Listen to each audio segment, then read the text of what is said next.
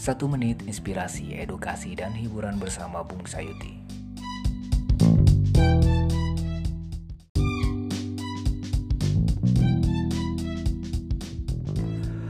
Pareto distribusi.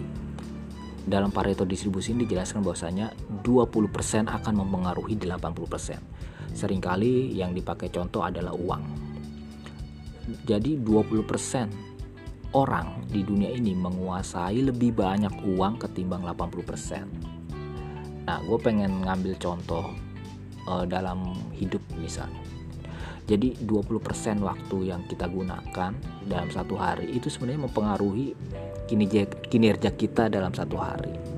Makanya uh, lu harus cari tahu jam berapa lu fokus lu masih punya tenaga dan lu kerjakan di waktu itu jangan nunggu sampai sore sebanyak mungkin pekerjaan yang lu bisa gunakan mungkin cukup sekian dari gua untuk podcast pagi satu menit ini. Terima kasih banyak.